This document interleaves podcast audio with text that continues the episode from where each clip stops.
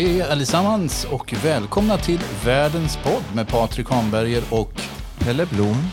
Vi kör vårt tredje avsnitt idag. Det är roligt att vara tillbaka. Hur har veckan varit, Pelle?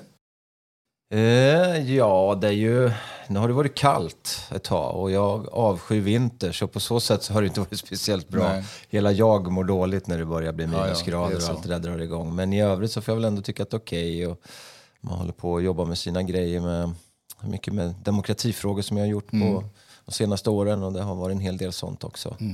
Jag har varit tittat på min son för första gången som spelar med sitt band. Det var roligt i Linköping. Och sen så har jag varit hos mamma på första adventsmys. Man får passa på att umgås med päron och barn och sånt när man kan. Ja, men det är helt rätt. Det måste man göra. Du, eh, dagens program. Vi har lite punkter på gång här. Vi, vi ska prata lite musik idag. Vi hade en idé om eh, musikalisk sorg. Eh, vi ska berätta kanske lite mer sen vad vi menar om det. Men det blir band eller artister som vi på ett eller annat sätt missade. Sen har jag förstått att vi ska få höra lite om hurling från dig. Kan det vara så? Mm, det stämmer bra det. Irländska nationalsporten. Det blir spännande. Det, är blir min, spännande. Det är min mission att få ut den sporten. Ja, det är bra. Min mission är kanske att få ut Jaguar. Det det är, det är ju den här, det här engelska bilmärket som jag har lovat att jag ska prata om. Och det ska jag faktiskt göra lite grann idag. Sen blir det en fotbollsanekdot. Och en reseanekdot, eller snarare en hotellanekdot blir det faktiskt idag. Men det kan väl få gå lite för detsamma. Ja, det är väl, eh, man reser ju till hotell och ifrån hotell och någon ledare ska vara där och det Ja. är du. Så är det ju. Så är det ju. Men du, eh, vi kastar oss in i det här med musiken. Eh, det är väl kanske så för många av oss att eh, man har någon sån där artist eller något band som man tycker mycket om och som man alltid hade tänkt att man skulle titta på och så blev det inte riktigt av. Har du någon sån? Mm. När du slängde ur den här tanken till eh, just det du säger, har du någon sån så ganska snabbt kom det upp i mitt huvud för att man har, jag har en sån där, jag skulle säga en eh, jättemiss när man var ung. Eh, och eh, mitt, eh, en av mina absoluta största, eller mina favoritband, eller mitt favoritband, många brukar säga det, Rolling Stones eller Bruce Springsteen om vi nu ska ta manliga stora Ja, såna grejer. För mig så är det ju The Pogues. Ja, just det. Det har jag förstått. Ja. Ja, precis. Så att det, de har ju följt mig sen, eh, eller jag har följt dem snarare sedan eh, bör, ja, n- första skivorna kom ut egentligen i början av 80-talet någonstans där. Och, och eh, jag har aldrig sett dem på scen. Nej. Och eh, grejen var nog mycket kopplat till min fotbollskarriär. Jag hade inte mycket tid till att gå på sådana där saker Nej, förr. Liksom, för det var alltid, jag var alltid upptagen när det var konserter. Men det var en grej som jag kände. Det var att 1985 så var de på Rockmagasinet i Örebro och spelade. ja.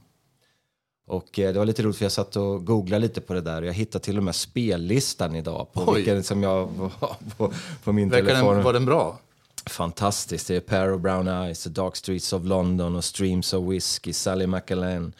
Eh, och, och sen eh, alla de här eh, som var från Red Roses for Me som var mer gamla traditionella låtar som de har gjort om till lite mer punkigare varianter som var fantastiskt. Som jag bara, ja, jag smälte ju. Det var ju det som fångade mig med den här punken och det traditionella ihop. Och, det var, så att, och sen så kom ju deras karriär, det var, någonstans var de väl egentligen där på gång ordentligt när de var här. Men att jag missar dem är så att jag hade en samtal faktiskt idag med en annan person kring de här grejerna. Med, med att The Pokes var ju så här, ifrån att de slog igenom till Mm. att tyvärr Shane McGowan började bli alldeles för packad på varje spelning så att Aj, han, aj, inte, aj. han kunde inte spela, eller han kunde inte sjunga och det liksom, här konserter blev uppskjutna eller att han fick gå ut efter halva konserter och sånt där.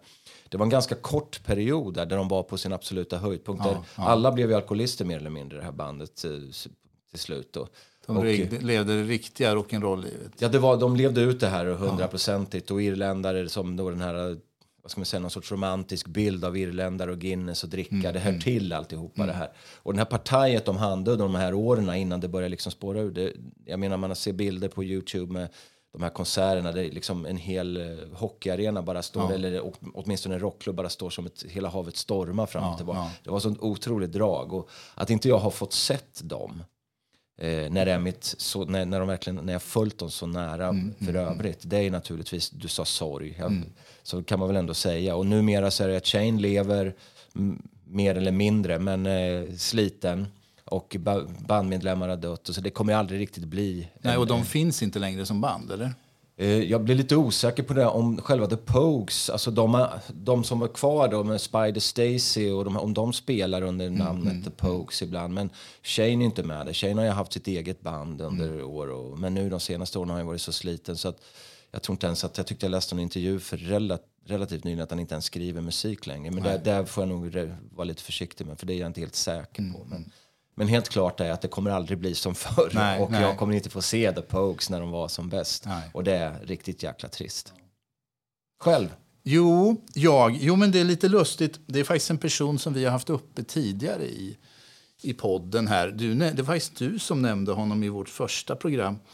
Det, jag har... eh, Jag, den, jag, ja, det är många artister så där som man sörjer att man aldrig har sett. Men den som jag nog sörjer mer än alla andra det är den lille mannen med den stora rösten, Ronnie James Dio. Som då alltså eh, jag håller som den, den, den bästa hårdrocksångaren av, av alla.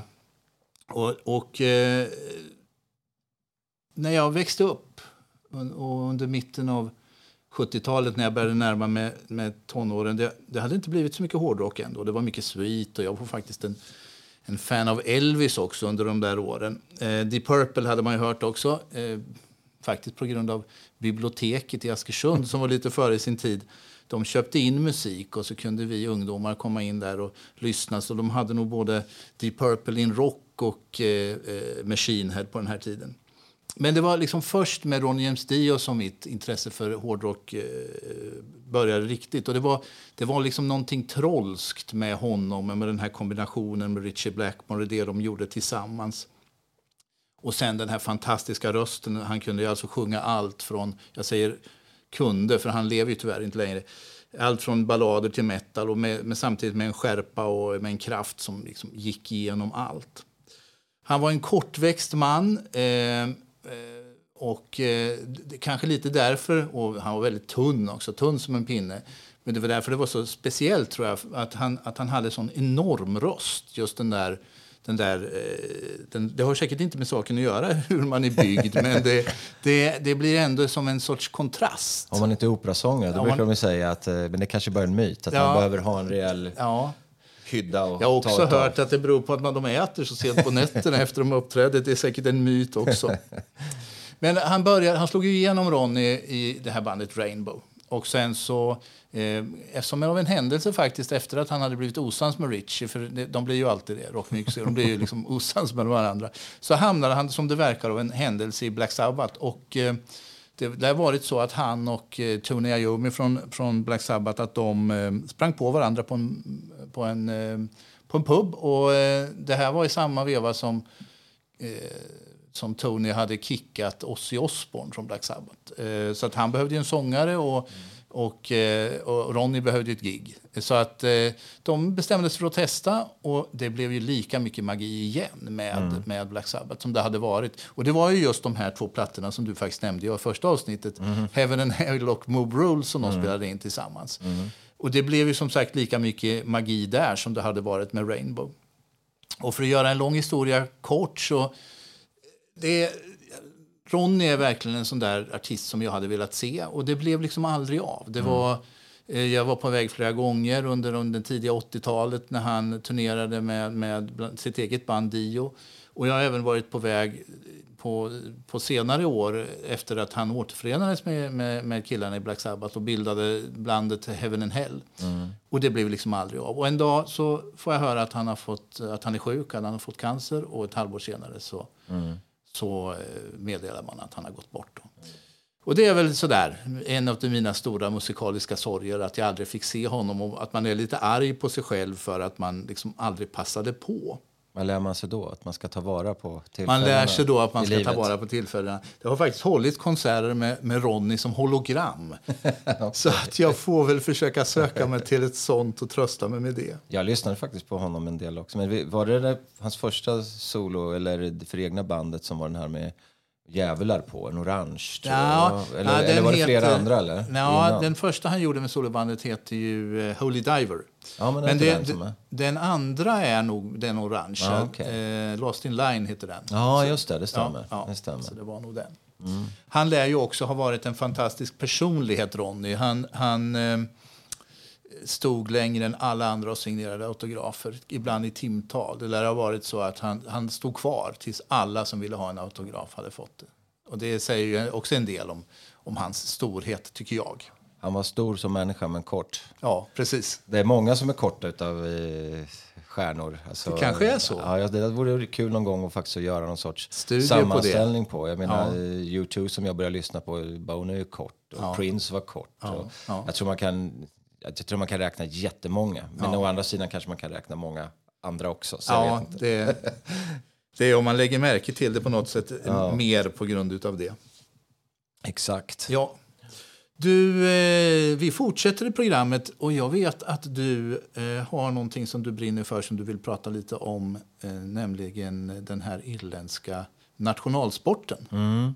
Jag vet ju liksom inte riktigt var jag ska, vart jag ska börja. Jag skulle kunna prata en timme om det, för att det, det ligger mig väldigt varmt om hjärtat. Ja. De, som kommer, de som lyssnar på den här podden och kommer att fortsätta lyssna kommer få höra mig prata om Irland och irländska saker f- många gånger. Så Ja. att, eh, det får man stå ut med i så fall. Ja. Eh, Det är verkligen ett specialintresse jag har och som jag fastnar väldigt Men mycket prata för. på, du. Så att eh, Pokes är ju också, det är ju Ja. kopplat till det på något sätt. Men, nej, men hurling är en sport, jag, vet, jag kommer ihåg för många år sedan, när jag, alltså innan eh, internettiden, alltså när, det var, liksom, när man kunde gå in på Youtube och börja kolla klipp och sånt där, så vet jag på sporten på tv så var det någon sport som ibland, någon gång då och då bara dök upp i några minuter sådär, Mm, som gick jättesnabbt och det såg ut att vara som ett vilt slagsmål nästan. Och, Ja. var någonting man, jag aldrig hade sett förut. Men jag grottade aldrig vidare i det där för liksom, det var svårt på den tiden. Liksom, att, och, och jag hade kanske inte kommit så långt till, att, säga, att, eh, att intresset var tillräckligt stort för att börja jaga det där. Men sen så, när det här irländska intresset växte fram och sen så jag började lära känna lite irländska kompisar och såna här grejer så så sprang jag in i en, en kille som bor i Stockholm som heter Philip O'Connor som eh, vars pappa jobbar inom det irländska, eller gjorde tidigare, var inblandad i det irländska förbundet som har med de här irländska sporterna. För det här, hurling är en gaelisk sport och gaeliska sporter tillhör den gaeliska kulturen på Irland. Förklara det där med gallisk och... Ja, men det är en sorts identitet. Alltså den, den galliska, det, det, det finns, det galliska språket är en del. Det finns på västra delarna av Irland så pratar man det. Galtacht-områden tror jag det heter. Där man faktiskt pratar, man pratar inte engelska, man pratar alltså den här gamla iriskan. Liksom. Och den varierar sig lite. Jag tror det finns i Skottland också. Liksom, Okej, som- så att det går över gränser där. Ja, och, och eh, det där är kopplat till som sagt språket, till kulturen, dans, musik, men också sporterna. Och de gaeliska sporterna så finns det fyra stycken. Med hurling är den som är nationalsporten. Och, och den är inte störst, inte, det är inte flest utövare för den är så svår att hålla på med. Men den är en sorts nationalsport. Sen har man gaelisk fotboll som är egentligen på något sätt, i min värld, är det samma sport. Fast jag ska förklara mer sen hur hurlingen ser ut. Och sen är det ga- gaelisk eh, handboll som är en sorts squash fast med händerna. Liksom. Du står och slår mot en vägg. Ja, det har jag sett tror jag. Ja. Men någon eh, skinn... Eh, skydd på handen? Ja, något sånt. Annars skulle det nog fläkas upp, misstänker jag. Liksom. Så jag har inte jättebra koll på det. Och sen så finns det något som heter rounders som jag aldrig har riktigt haft jättebra koll men som jag fick koll på idag faktiskt. Det är mer en sorts brännboll eller baseball snarare. Men det är alltså där man slår iväg med en och, och man ska springa runt och ja. såna här grejer. Så, att, så det, det hänger ihop alla de här sakerna. Och, eh, och det är som sagt, och det här fightades ju engelsmännen för att få bort under alla de här 800 åren som de eh, ockuperade Ja, ja, ja. Irland. Och Men de lyckades inte. de lyckades inte, det, det gick inte. Och, eh, men jag ska gå till själva sporten. Där är liksom, jag bara ville säga för att det, betyder, det betyder väldigt mycket, den här sporten, som är större än själva sporten som sådan. Då. Men om vi nu går in på själva sporten i, i, i det, så är det en... Jag, brukar jag brukar kalla det för en blandning mellan eh, fotboll, bandy, hockey, rugby, Oj. och kanske någonting mer, möjligtvis. och det är ju, eh, man tittar på det på planen, så de som utövare, de har alltså hockeyhjälm, en typ av hockeyhjälm, Ja. eller en hjälm som ser ut som en hockey. De har fotbollskläder med fotbollsskor. Men det är på gräs Det alltså? är på gräs. Det är världens snabbaste spel på gräs brukar de kalla det Mm, för själv. Eh, sen har de då, och det är det som är lite speciellt, de har en klubba som ser ut som en kraftigare variant av bandyklubba. Så att, eh, och den här är en väldigt speciell, det finns en hel eh, man kan, en utläggning kring den. Den är gjord av askträ och askträ är mjukt så att man ska liksom, slår man den i huvudet så kan den vika sig över. Det finns en klassisk bild på det i- på Irland som man kan titta liksom på. Nu har jag lärt mig att askträ börjar få sjukdomar så att nu börjar det bli brist på det. Så nu har de börjat med, med eh, vad fasken är det? Ja, det är ett annat material där man börjar med i alla fall för att testa med det. Men eh, den här klubban liksom är den som är central i det här spelet. Och från början, tittar man historiskt så var det nästan som bandy fast på gräs. Men sen har sporten utvecklats så att numera är ju bollen i luften och eh, de, det är inte så mycket efter backen. Och man är 15 stycken på planen. Du I varje lag, alltså? I varje lag, ja. Du har en målvakt, tre backar, tre halvbackar, två mittfältare, tre halvforwards och tre forwards. Och eh, de här är ganska stationära. Det är inte som i fotboll att man liksom rör sig över hela planen. Det blir väldigt mycket man-man på de här platserna. Det ska nämnas också att det finns något som kamugi för tjejer. Det, är, det är nästan samma sport, men, men eh, jag har inte riktigt lärt mig exakt vad som är skillnaderna där. Men de spelar också, men då heter det av någon anledning kamugi. Eh, och man gör mål. Det är rugbymål. Eh, men på nederdelen på mål så är det, är det nät, som på ett fotbollsnät. Ja. Så du gör tre poäng genom att göra mål i nätet och så gör du en poäng genom att slå bollen ovanför. ja, just det. Eh, så att, eh, och matchen är på 2 gånger 35 minuter, ett ursinnigt tempo när de väl spelade liksom med full fart. Och jag glömmer aldrig första gången jag, jag fick vara, jag har varit på fyra stycken All Island-finaler. All Island-finaler det är 82 000 åskådare på Croke Park i Dublin. Eh, och de lagerna som, som kom, som eh, oftast är från västra och södra, eh, där är liksom den här kulturen är starkast. Ehm, kommer ju åker då liksom i, i stora karavaner in mot Dublin och tar över staden liksom och med, med sjunger och alltihopa. Och jag fattade ingenting första gången jag var där, men jag fick bara den här sköna känslan med hur man byggde upp det med musiken och, och liksom, ja, det var verkligen liksom otroligt häftig känsla. Och sen så har jag den här jätteklara bilden av där det efter, säg 10 minuter eller någonting sånt där, 15 minuter av den här matchen då, så var det liksom en situation där det var en mål, målchans på ena sidan. Eh, mitt på plan stod två stycken och nästan, ja, du vet, tuppfightades. De slogs inte men du vet med bröstet och, mot varandra så här liksom. Och, och det var nära slagsmål. Och sen alldeles nedanför mig så låg det en skadad spelare. Och då var det en, en eh, fysioterapeut som var inne och, och hjälpte honom. För man får Ja, ja. springa in under, Ja, ja. under matchen och hjälpa till. För de vill inte ha några stopp i spelet. Så jag liksom, och publiken bara stod upp och skrek och jag liksom var ska jag titta någonstans? Det hände grejer överallt. Och sen hade jag tur att det varit en sån här jättespännande final. Och, och eh, ett lag som hade vunnit, hade de vunnit hade de blivit historiska med flest titlar i rad. Men det andra laget vann, så det blev en väldigt häftig upplevelse. Men det är alltså lika mycket kulturyttring som sport det här kan man säga. Ja, och jag menar om man börjar titta på det, om man läser om det så är det liksom Apropå kopplingarna, så tittar man historiskt så de påstår ju att det är 2-3 tusen år gammalt. Man har hittat rester av såna här, nå- någonting som påminner om, om hurling. Ehm, och eh, det, fin- förr, och det är lite i och för sig som fotboll också, man spelar i byar för att lösa tvister och det var ju, folk dog ju på det. Det var ju nästan som, ja, det var ju våldsamma slagsmål egentligen där. Men sen är det även kopplat till mytologin och, och sådär också. Hela, ehm, det finns ju en, eh, en, en historia om en, jag tror att det är ett tv-bolag som heter Setanta eller någonting sånt där, eller gjorde tidigare. I, i, det finns kopplat till ett namn Setanta och det är ju, det är egentligen, det finns en legend om Setanta. Det är en, en, eh, en person som dödade en, en kungens vakthund med en hurl, alltså den här klubban, och en boll. Eh, och han gjorde det i självförsvar och när han förstod vad han hade gjort så, så utnämnde han sig själv, eller han sa, erbjöd sina tjänster att jag kan vara din livvakt istället då. Och, så, och det blev han till den här kungen och var, skyddade hela området Ulster i, mot alla inkräktare. Liksom, så här. så att du kan koppla in det till så många olika saker. Och, och det är där jag tycker det är häftigt. Det, det blir väldigt mycket djup i sporten Ja. också. I och med att den också det har varit förbjuden. Alltså det, den bildades 1884 och då var det en, en man som hette Michael Kushak tror jag. Han drog iväg och bodde någonstans mitt ute i ingenstans liksom, i, där engelsmännen inte riktigt kunde få tag på honom. Och där började han rita ihop det här och sen tillsammans med andra så startade de det här. Och sen, sen finns det kopplingar till, om, om de som har sett eh, den här filmen Michael Collins som handlar om, om eh, irländska frihetskriget. Mm. Liksom. Den var väldigt populär på kan det vara 90-tal Ja. eller 20, början av 2000-tal. Jag är lite osäker där.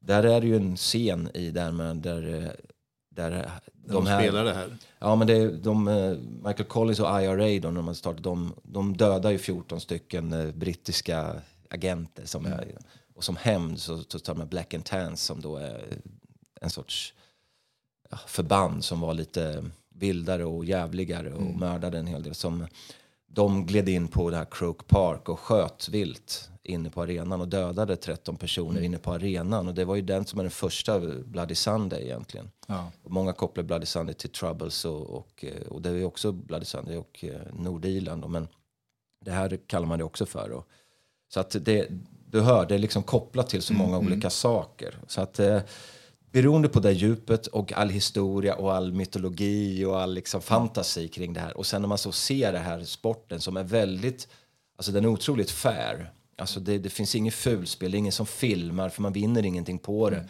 Det går fort som tusan. Får man en jämn match så är det tufft som också galet tufft. Men det borde ju kunna bli en tv-sport då. Ja, alltså jag är helt övertygad om att svenskar skulle tycka att det var jätteroligt att se på Mm, den här sporten. För att den är verkligen, i och med att den har den här blandningen mellan de här olika sporterna som vi har själva i Sverige. Och därför har det liksom blivit en sorts mission för mig att prata. När jag, jag arrangerar ju re- resor till Irland och då, då har vi en liten del av den resan som jag håller på och pratar om de här sakerna för att föra fram det här. För att eh, det är så otroligt eh, coolt och just att det är kopplat till så många andra saker också. Ja, det skulle vara roligt att se. Jag har aldrig sett det tror jag i någon sändning. Det finns, är det sänds det någonstans? Inte utanför Irland? Eller Numera, numera är det ju så att, alltså det har ju varit en väldigt irländsk, och sen är, är det som många andra sporter att eh, irländare i förskingringen som bor, det bor ju så mycket irländare runt om i världen så de har ju startat klubbar. Men oftast är det den här gaeliska fotbollen för den är lite lättare för då har du bara en boll så att säga. Du behöver inte den här klubban. Så det blir lite lättare att spela. Men den finns de här runt om i världen numera och eh, det spelas men det är inte på någon speciellt bra nivå. Det är på Irland som de är. Och värt att säga också är att de här är amatörer. Allt det här, det är så som fotbollen var på min tid när jag spelade fotboll. Att man, man, man spelade och tränade professionellt men du hade ett jobb oftast vid sidan om. Och det har de. Och eh, eh, de får inte tjäna några pengar på det överhuvudtaget. Då blir man avstängd på det. Sen vet jag att det har de senaste åren börjat, ja, det har börjat snackas om för att Proffsliga? det har blivit mer kommersiellt. Och, så, och du nämnde där, var kan man se det någonstans? Man har ju börjat streama det. Så att vill man så kan du koppla upp dig och faktiskt se eh, den här ligan och, och kolla på det. Eller Så ligan. Storbritannien. Nu är inte Irland en del av Storbritannien, bara Nordirland. Men, men eh, sen, vet du om det sänds i Storbritannien? Om det finns ett intresse? Eller spelar man till och med även i Storbritannien? Det vågar jag inte svara på, men jag tror att du kan se det. Jag undrar om det inte var Sky Sport som är de som har Mm, eh, börjat eh, sända det där. Och, Ja, finns och, det ett intresse så kommer det att sändas, så är det ju. Ja, och startas och kommer intresset och tv-bolagen kommer, det kommer in mer pengar och det är väl där risken finns då, eller risken för de som fortfarande vill ha det som amatörsport. Mm. Eh, Medan andra kanske vill ha det. Men de är ju rädda för att det liksom ska splittra, för det här är väldigt kopplat till det lokala också i de här olika countiesarna i, i, på Irland. Liksom. Det är ju, du får inte byta. Så du spelar, är du därifrån så är det där du spelar. Ja, ja, ja. Det är kopplat till var du bor. Din plats. Även om du flyttar så tillhör du det här i alla Mm, fall. Jaha, så om du flyttar så får du ändå spela med... Du kan inte, du kan liksom inte, om du bor i Cork och flyttar upp till Dublin så Mm. kan du inte liksom representera det. Utan då är du där du är. Där du är så att liksom, och, och det är den stoltheten som också är. Jag vet att jag intervjuade en kille vid ett tillfälle som, som eh, spelar County Clare. Och de hade vunnit året innan det här All Island. Och han, du han sa det, jag vill inte ha något professionellt för det här handlar om stolthet, det handlar om identitet. Det handlar om så mycket annat. Och Ibland när jag pratar om det så kan jag få en känsla av att det liksom är på gränsen till nationalism. Ja. Så, och det gör det lite grann också. Men det är helt klart en kulturyttring, så är det ju. Eh, Mm. Lika mycket som sport. Så att eh, nu har jag, jag skulle som sagt, som jag säger, kunna prata väldigt mycket mer om. Men det är, det är en fantastisk sport. Jag tycker att om man någon gång får möjligheten, det finns, gå in på Youtube och sök på hurling. alltså ska jag hurling är H-U-R-L-I-N-G.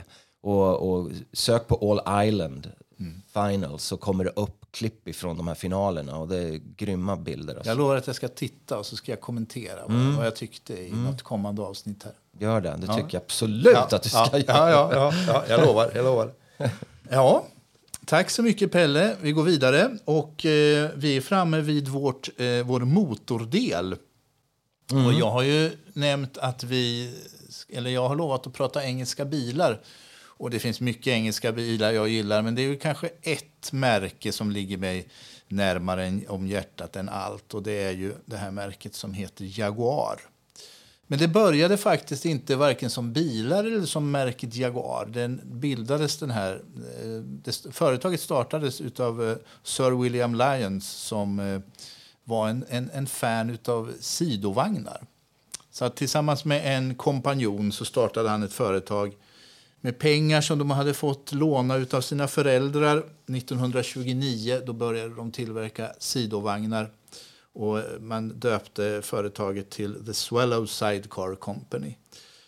Eh, sedermera så gick man över på att tillverka bilar och till en början så, så köpte man in då mycket delar till de här bilarna från befintliga tillverkare och gjorde egna karosser. Och sen så kom ju då eh, andra världskriget. Eh, under kriget så så var det ju inte kanske biltillverkning som var nummer ett utan jag tror att man gjorde en del tillverkning av krigsmaterial och såna här saker. Men man gjorde också en annan viktig sak. Man tog fram en egen motor. Den så kallade XK-motorn som fanns med sen. Och det var en fin skapelse. Det var en rak sexa med dubbla överliggande kamaxlar och det här var avancerat eh, på den tiden. Och den där motorn den var man klar med 1946. Eh, så efter, det var ju perfekt efter kriget. Och meningen var att den skulle sitta i en sedanmodell men, men det hade man ingen färdig eh, konstruerad. Så istället så tog man snabbt fram en prototyp till en sportbil i en futuristisk skapelse. Och den här ställde man ut på en bilutställning. Och det blev en total succé med en gång. Så man fick alltså beställningar på den här, på den här sportbilen som man alltså inte ens hann, hann med att tillverka.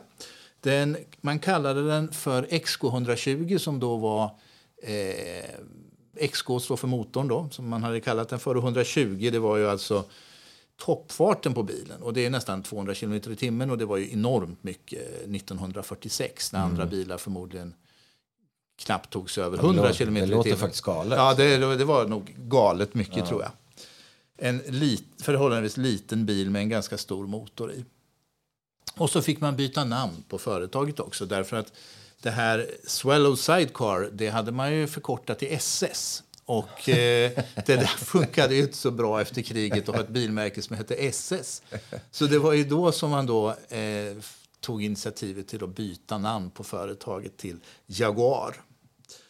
Eh, 15 år senare så släppte Jaguar sin andra succébil och det är en sån som vi känner till mer. Det är den modellen som kallas för E-Type som då Enzo Ferrari, som var skaparen av Ferrari, han utnämnde den till världens vackraste bil. Och Enzo var inte den som i första taget berömde någon annans bilar så att det får man nog se som en enorm, eh, en enorm komplimang. Eh, och det, lite grann, det var lite grann om Jaguars historia. Eh, mitt intresse för bilmodellen det började som så mycket annat i mitt liv med reseintresserade föräldrar. Eh, det gäller ju även mitt yrkesval som man väl kan säga kan spåras tillbaka till det. Men när det gäller bilar så, så var det de här bilsemestrarna i Europa som vi gjorde när jag var barn. Och när man skulle åka på bilsemester till Sydeuropa som vi gjorde varje sommar när jag växte upp, då var man ju tvungen att passera Tyskland. Och det var ju varje gång när man skulle ner och varje gång man skulle upp så var det ju en hel dag för att passera genom Tyskland på autobahn. Och det där var ju rätt tråkigt. Så att eh, eh det farsan och jag ägnade oss åt, han, han var lika bilintresserad som jag, det var att vi, vi liksom kollade bilar som kom och körde om snabbt i vänsterfilen. Så jag var i 8-10 års åldern på den här tiden och så farsan han satt och kollade backspegeln vad det kom för något fort snabbt i, i, i, eh, eller när det kom någonting snabbt i vänsterfilen och det gjorde det ofta och jag, jag hängde i fönstret och, och kollade liksom. Och det var ju mycket tyskt förstås, eh, men det fanns eh, det fanns ett märke till som, som dök upp ibland. Det var slanka, vackra bilar. Och framförallt det jag minns är att bak på bilarna så hade de en nummer ett, ett, ett nummer. Och det, de, det, det, är egentligen tre olika nummer som återkom. Det var 2,8, 4,2 och 5,3. Och det där var sånt som en tioåring la, la, liksom, la på, på minnet. Och det där var ju motorstorleken. Så de, mm. de tillverkade mm. två raka sexor på 2,8 respektive 4,2 liter. Och sen hade man ju även börjat tillverka en V12 på 5,3 liter. Och det var ju liksom det var ju häftigt tyckte man ju. Va? Så att det här eh, intresset det har hållit i sig för mig. Och, eh, men det tog egentligen många år innan, det, innan jag, jag faktiskt införskaffade min första bil av märket. Och det var också en tillfällighet. Det var i Spanien. Jag, jag var ute och körde med någon annan bil. Och när jag passerar förbi en stad så passerar jag förbi en öppen garageport. Och, och när jag tittar liksom, bara kastar in en blick där så ser jag, en, ser jag en siluett som jag kände igen. Så jag, jag vände och körde tillbaka. Och när jag kommer tillbaka igen så, så kan jag läsa att det står Roberts Garage ovanför eh, den här ingångsporten. Och, eller den här garageporten. Och, så jag liksom parkerade och klev ur och gick in och pratade med dem. Då visade det sig att det var en engelsman som höll till där. Det här var jag som sagt i Spanien. Och eh, han sålde då eh, begagnade Jaguarer som han även servade och skötte om. Så att jag, och från, det, det, från det ögonblicket så har jag väl egentligen varit fast. Alltså, det, ungdomens eller barndomens fascination för de här bilarna det, det, kom liksom tillbaka med full kraft. Och han, gjorde, han såg dessutom till så att jag blev medlem i en engelsk Jaguarklubb och, och sådär. Och sen har det där fortsatt under över 20 år sedan dess. Och det har passerat ganska många Jaguarer eh, genom mitt garage. Och det som jag framförallt tycker är roligt och som jag, precis som du, jag är lite on a mission for Jaguar, precis som du är för, för Hurling. Därför att är man, det som är så roligt med Jaguar tycker jag, det är att är man inte bilintresserad och framförallt skulle vilja ha en hobbybil så kan jag faktiskt inte tänka mig något bilmärke som som, som har så mycket att erbjuda. För det är klart att de här modellerna som jag nämnde först, alltså XK120 och E-Type, det är ju mycket. Alltså de, de, de betingar ju stora summor idag. Men man kan få lika roliga, lika vackra bilar för helt andra, sak, eh, helt andra, helt andra pengar. Eh, till exempel en, en XJ-modell från 70-talet om man vill ha en klassiker eh, som för kanske 50, 60, 70 000 kronor. Och, och vill man ha en lite modernare bil men som fortfarande är vacker och klassisk i utseendet så kan man få en XJ från 90-talet för ungefär samma pengar. Mm. Så att det, det, man får liksom så mycket med av roliga saker. Inte bara roliga, eh, lite egensinniga tekniska lösningar men också klassisk engelsk inredning och design med mm. skinn och ädelträ och så här. Så att jag kan varmt rekommendera Jaguar. Och är det någon som är fortsatt intresserad och vill veta mer så skriv antingen in hit till podden. Eh, som ju, och, eh, e-postadressen hit är alltså vardenspodd gmail.com. Alternativt så får man gärna höra av sig till mig, eh, Patrik Hamberger. Ni hittar mig där. Telefonnummer och sånt där finns. Jaguarer finns. där Jaguarer finns. Ja, jag finns faktiskt på Svenska Jaguarklubbens hemsida. Um, Jaguarklubben.se. Där kan ni också hitta mig och mina kontaktuppgifter. Jag har alltid sett Jaguar som en sorts överklassbil. Mm. Är, det, är det det? Alltså i, i grunden någonstans? Ja, man kan väl säga så här att idén med Jaguar när Sir William Lyons började tillverka dem, det var ju att, att, det var ju att erbjuda komfortabla, snabba, tysta bilar till en vettig peng. Så att många gånger så har de den revolutionerande XJ-modellen som kom 1968 den bedömdes ju som att, att vara komfort, komfortmässigt och prestandamässigt i nivå med, med eh, Rolls-Royce men till en peng som var mer överkomlig, mm. även om det förstås inte var en billig bil. Och Detsamma var med, faktiskt med E-Typen när den kom 1961. Den hade ju Ferrari-prestanda men till ungefär halva priset. Mm. Så att mm. det har ju det, det, har ju aldrig varit billiga bilar när de har varit nya, men de har varit prisvärda kan mm. man väl säga. Mm. Och det är klart att lyxbilstämpeln den finns väl där. Mm. Eh, men det är härliga bilar. Mm. Jag tänker brittiskt också. Då blir det, är det, det bara redan från början ja, så är det ju, ja, så är det. Så är det kolon, kolonisatörerna som ska ha elit. ja. Stiffer upper lip. Så, lite så. Nej, nu var jag elak. Nej, men det är ju men det är intressant, för det är, den bilden har jag haft. Men jag ja. hade inte koll på att, jag trodde att det var i prisklass också. som eh, Rolls Royce. Och den Nej, typen. det är det, det är det alltså inte. Utan det är mer i prisklass Mercedes BMW. Så man kan... Mm. Ja, Ja, ursäkta. Ja. ja, nej, men fast med, fast med brittisk eh, bakgrund. Mm. Nej, för nu mer vet jag, för jag, jag, har ju, jag har ju stått och tittat på några på... Eh, ska vi inte nämna några bilar? Nej, men det är de som säljer det här i, i Örebro då, Ja. så har jag kollat på några, så de, Ja. är, de är ju snygga. Liksom. ja. Och det är ju som alla bilmärken nu, de, liksom, det blir så många olika modeller man utvecklar, så det finns alla möjliga varianter. Liksom. De är ju lite, inte riktigt lika egensinniga i sin design idag som de, som de var. Och det är väl ett vägval man har gjort att man, man kanske behöver inte, man, man kan inte vara riktigt lika egensinnig. Det, man sålde ju mycket på det förr, att, man, att det var en, ett, ett brittiskt sätt att, att bygga bilar.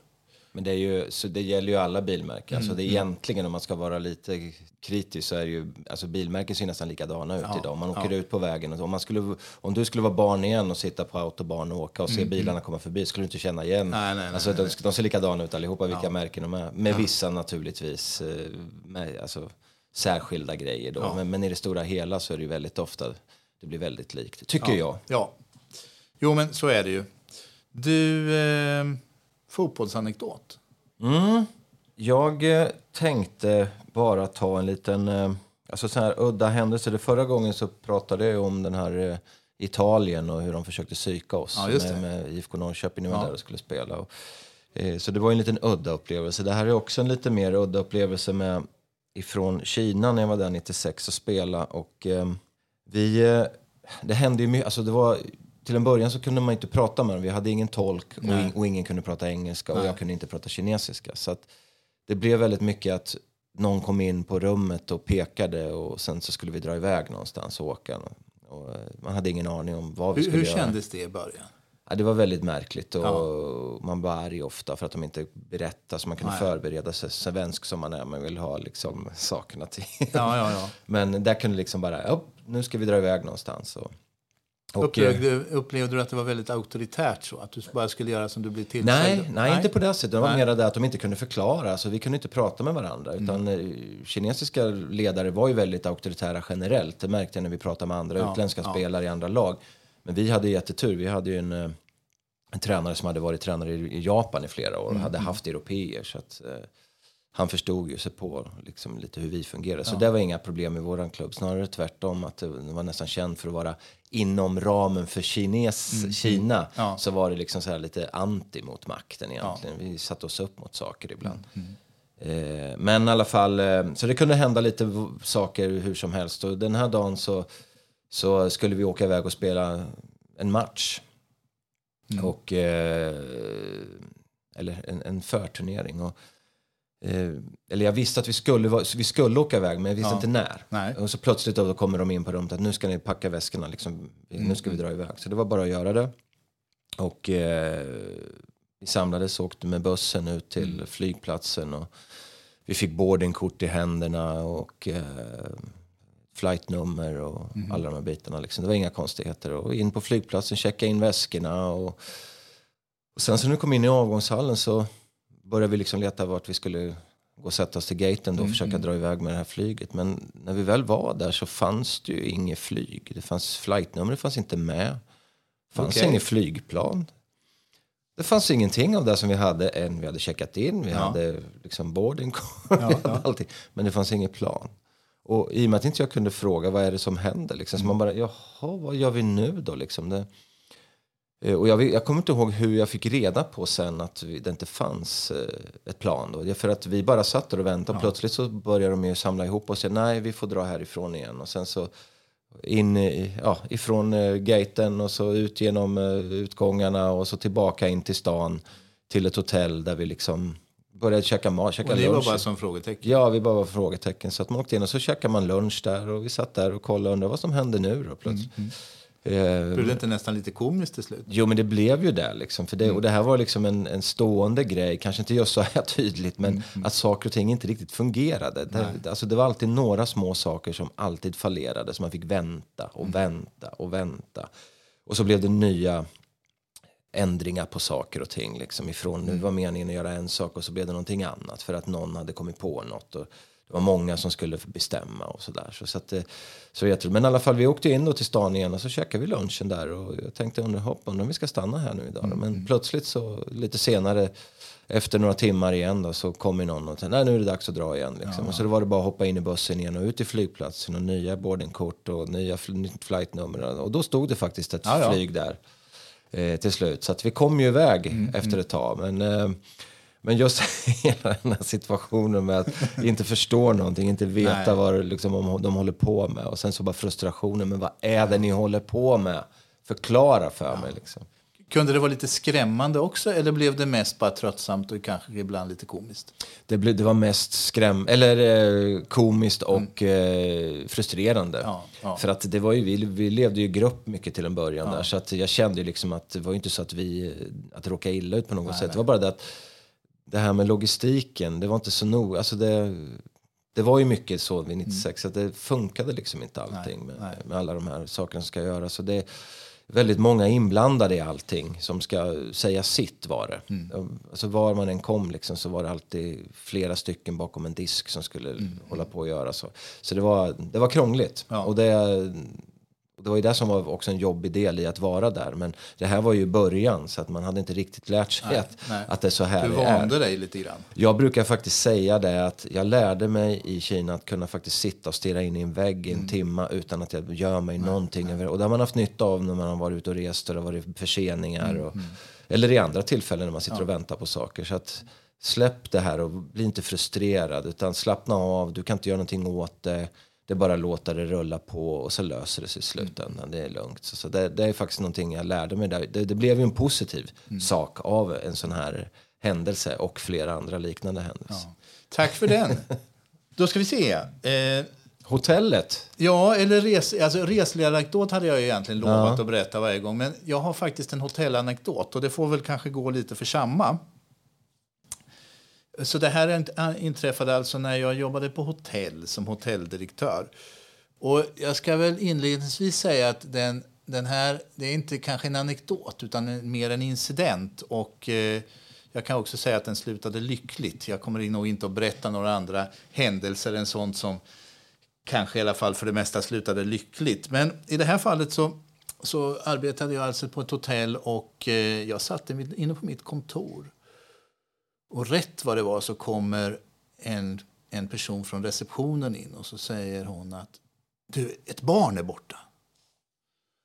Så jag rusar ut och jag kommer ut då till poolområdet och där står det två stycken föräldrar som är i upplösningstillstånd. Och det, vilket man ju kan ha full förståelse för när, ett, när barnet är borta.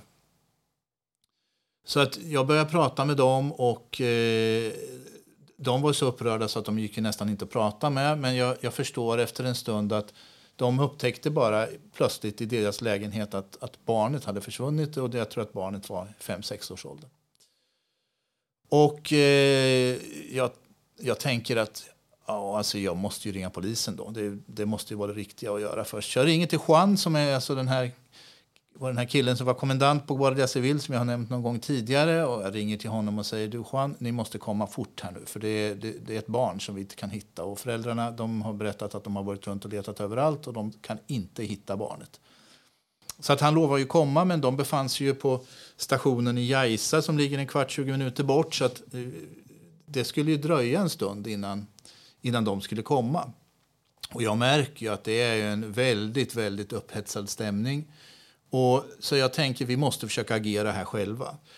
Så, så vi gör faktiskt så att vi samlar ihop en del gäster från poolområdet och, och ber dem hjälpa till. Och folk ställer förstås upp. Vi samlar dem i grupper på tre, fyra personer. Jag tror att vi fick ihop fem, sex grupper. Vi utrustar dem med varsin walkie-talkie. Och vi ber alla gå runt och ropa efter det här barnet. Då. Eh, och jag menar, det fanns ju pooler och det fanns ju strand och det fanns ju mycket liksom, faror eh, runt omkring på området. Så vi skickar ut folk eh, och man kan ju liksom höra hur de går runt på området och ropar. Och det var ett stort område det här. Det var säkert ja, en halv kvadratkilometer stort eller någonting sånt. Så, men, så det går väl fem minuter, det går tio minuter och det kanske går en kvart och så börjar de första komma tillbaka och säga att de inte har sett någonting eller hittat någon. Och det, det var ju en mycket, mycket obehaglig situation det här. Alltså, hur, hur, så efter en stund då när folk börjar komma tillbaka, då kommer polisen in rusande. Juan och hans, hans poliser. Och precis då, precis i det ögonblicket när de kommer, då kommer mamman springande igen. Och så säger hon, han ligger och sover. Då visade det sig att barnet hade legat, under hela den här kalabaliken så har barnet legat och sovit i sin säng. Nej. Men han har legat under ett bylte av sängkläder. Så att det gick inte att se att han låg där. Amen. Och alltså reaktionen på alla. Man skulle kunna tänka sig att folk skulle bli liksom trötta och att polisen skulle bli lite upprörd för att de fick liksom rycka ut för en sån grej. Men det blev liksom den lättnaden som var det gav liksom istället någon sorts lyckorus där över att liksom, det har inte hänt någonting hemskt. Det gick bra. Liksom. Så det, det är en väldigt stark upplevelse måste jag säga. Som, och det är som sagt väldigt skönt att det gick bra. Ja, för jag förstår, man skulle kunna tänka sig att det var slarviga ner som inte verkligen kollar igenom ordentligt. Liksom, och kolla under där. Men, Ja, men det är ändå en sån grej som man kan tänka sig skulle kunna hända. Ett, ett, bar, ett litet barn som ligger ihopkrupet i sin säng. Och så kan liksom filt och täcke och, och, och, eh, och lakan hamna på ett sånt sätt över så att man inte ser att det ligger ett barn där under. Och det måste ju vara det som hände också. Ja, verkligen. Och så får man lite panik. Och då, Ja, då, ja. då vet man ju själv om man har tappat alltså, Ja. mindre... Alltså, ett barn är det största. Ja, men om ja. man... Ja. Bara saker som Ja, man tappar ja, bort ibland. Man ja. får panik och sen Ja. plötsligt så ligger det där fram, Ja. fram i alla fall. Liksom. och då har man, det är bara att man, hjärnan inte fungerar ordentligt. Så det fick ett lyckligt slut på den här incidenten. Ja. Vad härligt. Ja. Men det måste ju vara fruktansvärt när man är iväg på sådär och sen att det, det Ja. händer att något försvinner. Den maktlöshet som föräldrarna måste ha känt och som förstås även vi kände. Ja, ja precis. För det är klart att det får ju... Att alla blir eh, lättare också. Jag menar, om det nu skulle ha hänt något så innebär ju det att det är någonting som har hänt. Att Ja, någon ja. har tagit barnet eller att ja, det försvunnit och skadats. Och det kan ju få effekter på sitt sätt också naturligtvis. absolut, absolut. Ja, det var, det var dagens program, Pelle. Vad kul. Ja. Eh, vi är tillbaka igen om eh, två veckor. Eh, det blir kanske nästan lite, det blir lite Lucia edition då. Ja, det kanske det blir. Jag, Ja, jag, är nej, det kanske inte blir. Det blir kanske lite mer juledition förresten. jag är lite dålig på att hänga med i Ja. dagarna här nu får jag erkänna. Men Ja, det är väl den ja. första här om två dagar eller någonting Ja, sånt. precis. Eh, tack så mycket för idag. Vi ska påminna om vår, eh, att ni gärna får höra av er till, till oss. Och eh, har ni önskemål på sånt som ni vill höra eh, så, så hör gärna av er. Eh, och det kan man alltså lättast göra på den här e-postadressen som vi har, vardenspodd snabel-a gmail.com. Tack så mycket för idag. Tack själv.